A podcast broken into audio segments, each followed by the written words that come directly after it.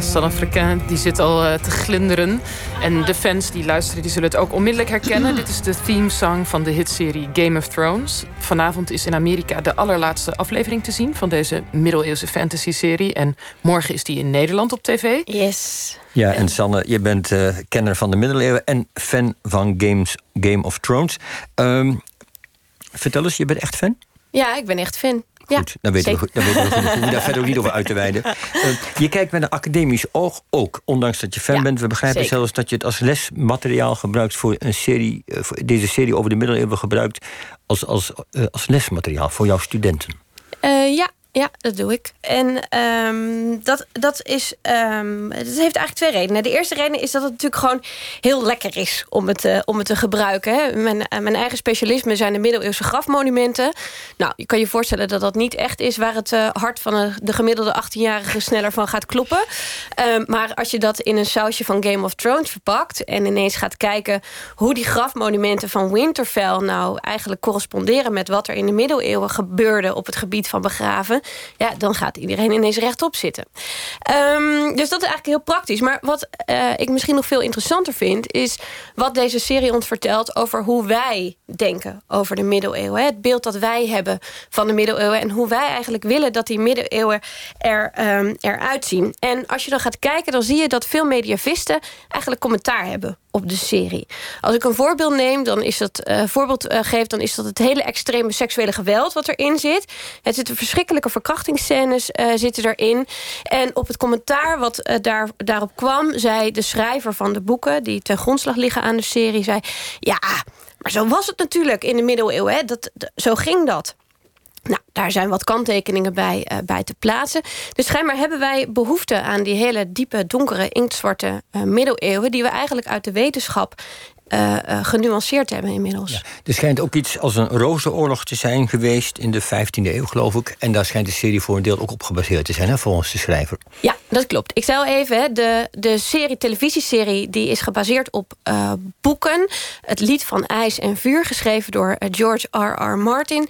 En die George R.R. Martin, die heeft zich gebaseerd op die War of the Roses... of op de rozenoorlogen in het, in het Nederland. In het Nederlands. En die strijd die speelt zich af in de 15e eeuw... tussen twee uh, families, de familie Lancaster en de familie York. Nou, de belangrijkste families in Game of Thrones zijn de Lannisters en de Starks. Dus uh, de, de uh, overeenkomst is gelijk duidelijk. En die, begint, die strijd begint eigenlijk in de 100 uh, jarige uh, oorlog in uh, Frankrijk. Want wat gebeurt er? Er wordt veel gevochten in Frankrijk... want de Engelsen menen dat zij vanwege hun afstamming... dat de Engelse koning recht heeft op de Franse troon. Nou, er wordt heel veel gevochten. De bekendste persoon uit die strijd is, is Jeanne d'Arc kennen we allemaal. En wat je hebt is een hele sterke Engelse koning, Hendrik V, die dus dat, die oorlog uh, uh, lijkt te gaan winnen. Um, wat er dan gebeurt is, Hendrik sterft onverwachts. En hij laat een jonge zoon van een paar maanden oud laat hij achter. En dan is het in Engeland een probleem. Want geen troonopvolger of een jonge troonopvolger, politieke instabiliteit. En die zoon die blijkt ook, als hij opgroeit... eigenlijk in geen enkel opzicht op zijn vader te lijken. Waar dat een briljant stratege was, een sterke koning... Uh, heeft hij Hendrik VI eigenlijk meer met het geestelijk leven... en hij blijkt uiteindelijk ook uh, geestelijk instabiel te zijn. En dan zijn er natuurlijk eindeloos veel aasgieren... die op die troon afkomen. En dan die familie um, van de, van de Yorks... die gaat dan proberen om die troon te pakken te krijgen. En dan gaat Edward IV gaat de koning afzetten... en dan brandt de strijd brand, uh, brand los. En uiteindelijk komt er dan vrede door Hendrik uh, de zevende, een, uh, een Tudor. En die is geleerd aan het Lancaster-geslacht... en die trouwt heel slim met een dame uit het York-geslacht. En die laat zichzelf dan zien uit vredestichter...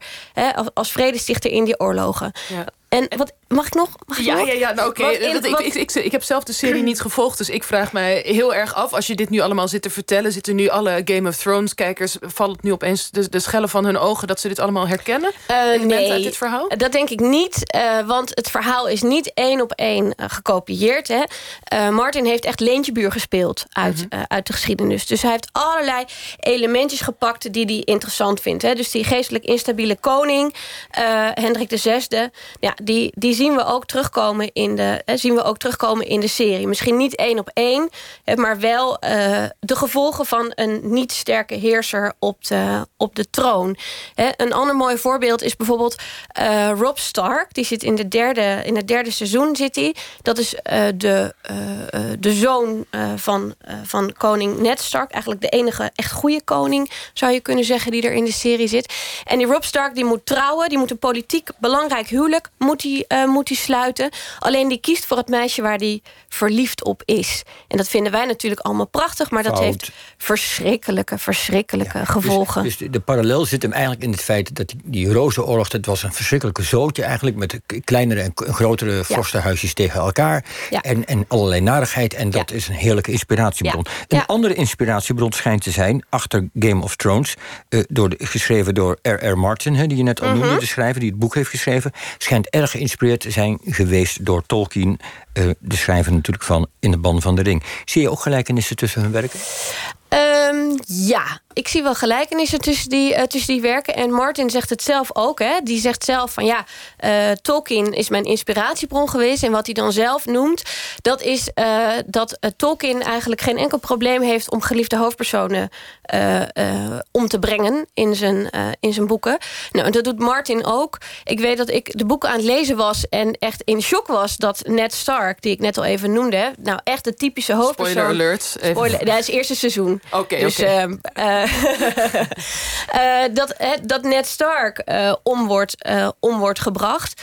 dat is echt dat is een, prachtige, een prachtige koning. Hè? Iemand die, die voorbeeld, als er iemand geëxecuteerd moet worden, doet hij het zelf. Want hij zegt, als je zelf dat vonnis wijst, dan moet je zelf ook gewoon de consequenties dragen. Nou, dat vinden we natuurlijk prachtig. En, en die gaat gewoon dood.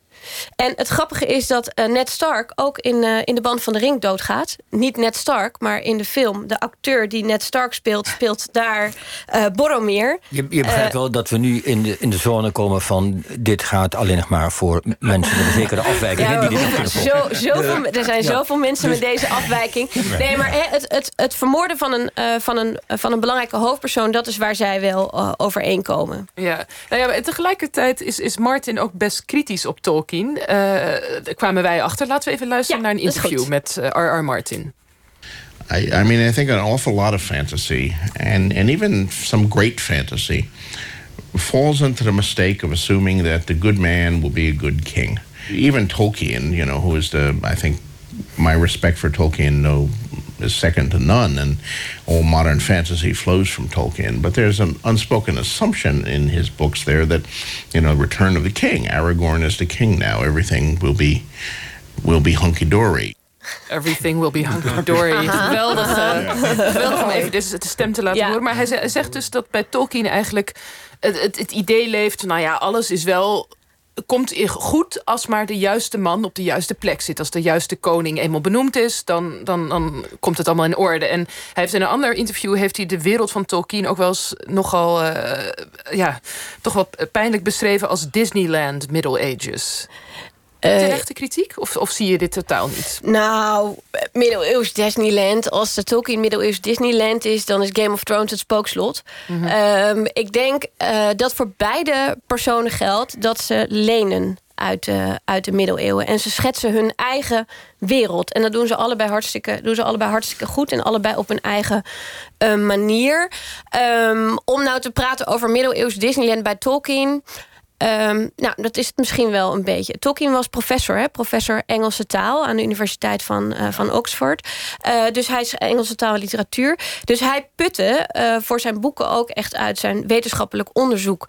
Beowulf gebruikte die ja. de namen, et cetera, et cetera. Maar dat is dan vooral de middeleeuwse literatuur... waar Tolkien zich op baseert. En het lijkt erop dat onze vriend van Martin... meer de werkelijkheid lijkt te nemen als voorbeeld. Ik weet niet of dat zo is.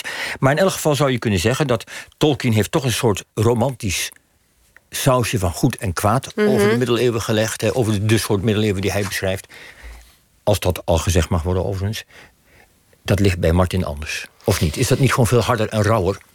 Nou, het is denk ik wel harder en rauwer. Of het, of het te maken heeft met, een, met dat middeleeuwse sausje, dat weet ik niet. Ik denk dat wat Martin heel goed doet... is dat hij zijn karakters hartstikke mooi uh, uitwerkt. Je hebt, uh, mijn lievelingskarakter is Tyrion Lannister. Dat is de, de kleine telg uit, de, uit het Lannister-geslacht. Um, een, een, man met, uh, met dwerggroei die een beetje buiten alle uh, fracties opereert. En je ziet in de boeken en ook in de serie zie je dat hij gewoon verscheurd wordt. Door enerzijds te trouw voor zijn familie.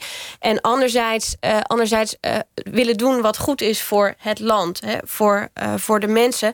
En dat maakt denk ik de serie zo rauw. Dat je, die, je, je ziet echt de verscheurdheid van de, van de karakters. Je zou kunnen zeggen dat het misschien bij Tolkien iets eendimensionaler is. Nou krijg ik allemaal boze e-mails van Tolkien-liefhebbers... die zeggen dat het echt niet waar is. Um, en, als je, uh, en als je dan kijkt naar de inspiratiebronnen...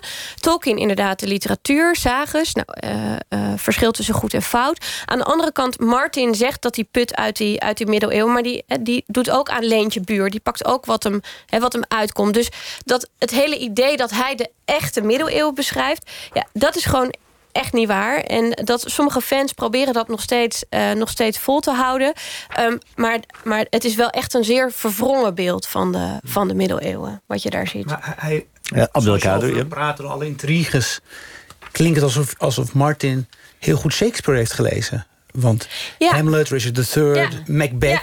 Ja. Dat zit vol met, met, met gruwelijkheden de weg naar de macht en dat niet ontziende. Ja, ja, macht corrompeert, absolute macht corrompeert absoluut. Kijk eens. Ja, en dat zijn natuurlijk, dat zijn natuurlijk de thema's die, daar, uh, die daarin zitten. En dat is wat het zo ontzettend interessant maakt. En ik vind dat het beste geïllustreerd wordt door Donald Trump. Uh, want Donald Trump maakt in zijn Twitter heel dankbaar gebruik van Game of Thrones. Mm. Hij twitterde op een gegeven moment een, een, poster met Sanctions are coming in het lettertype van Game of Thrones. Nou, de mensen van HBO waren daar obviously niet heel blij mee. En maar dat Game of Thrones zo'n dankbaar middel is voor iemand als, als Donald Trump om om zijn politieke boodschap te, ver, te verspreiden. En uh, Donald Trump zouden we ook zo in, uh, in Macbeth uh, neer kunnen, kunnen zetten, bij wijze van spreken. Dus, dus wat dat betreft um, um, doet, Martin dat, doet Martin dat heel goed. En hij heeft natuurlijk ook gewoon gekeken naar zijn voorgangers. En een, een kritiekpunt van Medievist is ook wel dat hij inderdaad gebruik heeft gemaakt van meer secundaire bronnen. Dus dat hij niet naar het oorspronkelijke bronmateriaal is gegaan. En dat die bronnen die hij gebruikt zijn ook bronnen zijn die wat ouder zijn. En dat de inzichten in de middeleeuwen, ik zei het al zijn veranderd. de positie van de vrouw. Uh, Orientalisme uh, zit, veel, zit veel in de serie. Daar wordt de serie veel van beticht. Het, het, weergeven van de ander op een soort van Aladdin-achtige achtige manier. Um, dus ja, dat zijn, de, dat zijn de kritiekpunten bij de serie. Maar die, die thema's zijn universeel. Ja, je hebt als mediavist een beetje zoiets van... Goh, hij, hij heeft zich duidelijk verdiept in wat er daadwerkelijk heeft plaatsgevonden in de middeleeuwen. Maar hij is een beetje rond 1950, 1960 gestopt met de literatuur te volgen nou, en, en dat is natuurlijk een beetje, dat is een beetje een onaardig, uh, onaardig uh, kritiekpunt op Martin. Want Martin pretendeert natuurlijk nergens dat hij historicus is. Hij is een schrijver van fantasy. En hij is een schrijver van prachtige fantasy. En het is fantastisch dat wij gebruik kunnen maken van zijn boeken en van de serie. om uit te, leggen, uh, uit te leggen hoe het echt tussen aanhalingstekens Jullie, zat. Docenten middeleeuwen bedoel je dan, hè, als je bij zegt. Elke ja. mediavist die ja, rondloopt. Goed, vanavond is de laatste aflevering. het schijnt bekend te zijn dat mensen schijnen al te weten hoe het afloopt. Of ze weten niet hoe het afloopt. Maar ze zijn sowieso al ontevreden. Ze zijn al ongelukkig ja. met de afloop die ze nog niet kennen... en hebben een petitie getekend voor een andere afloop. Dit klinkt verslagen onbegrijpelijk. Echt gedrag van fans.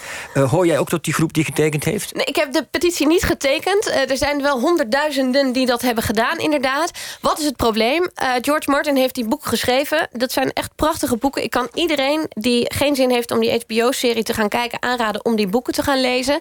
Alleen, de serie is nog niet af. Hij heeft de laatste twee boeken heeft hij nog niet gepubliceerd. En de mensen van HBO die hebben niet willen wachten... op het einde van die boeken... Dus die hebben zelf een einde geknutseld. En ik moet zeggen dat ik na de vorige aflevering ook een beetje zagrijnig was. En want we hebben zeven, zeven seizoenen lang hebben een prachtige opbouw van karakters en intriges en weet ik wat allemaal. En ik ga nu van dit seizoen niet de spoilers weggeven. Maar ik zat wel een beetje gedisillusioneerd uh, uh, voor de televisie afgelopen maandag. Dus um, ik denk, ik ga de petitie niet tekenen. Ik ga maandag kijken naar de serie. En dan ga ik daar even afscheid nemen van een periode. En dan hou ik in mijn achterhoofd dat er gewoon nog twee prachtige boeken aan gaan komen. Sanne, wij wensen jou veel sterkte met, het, het, met het rouwproces. Dank je, Jos. NPO Radio 1.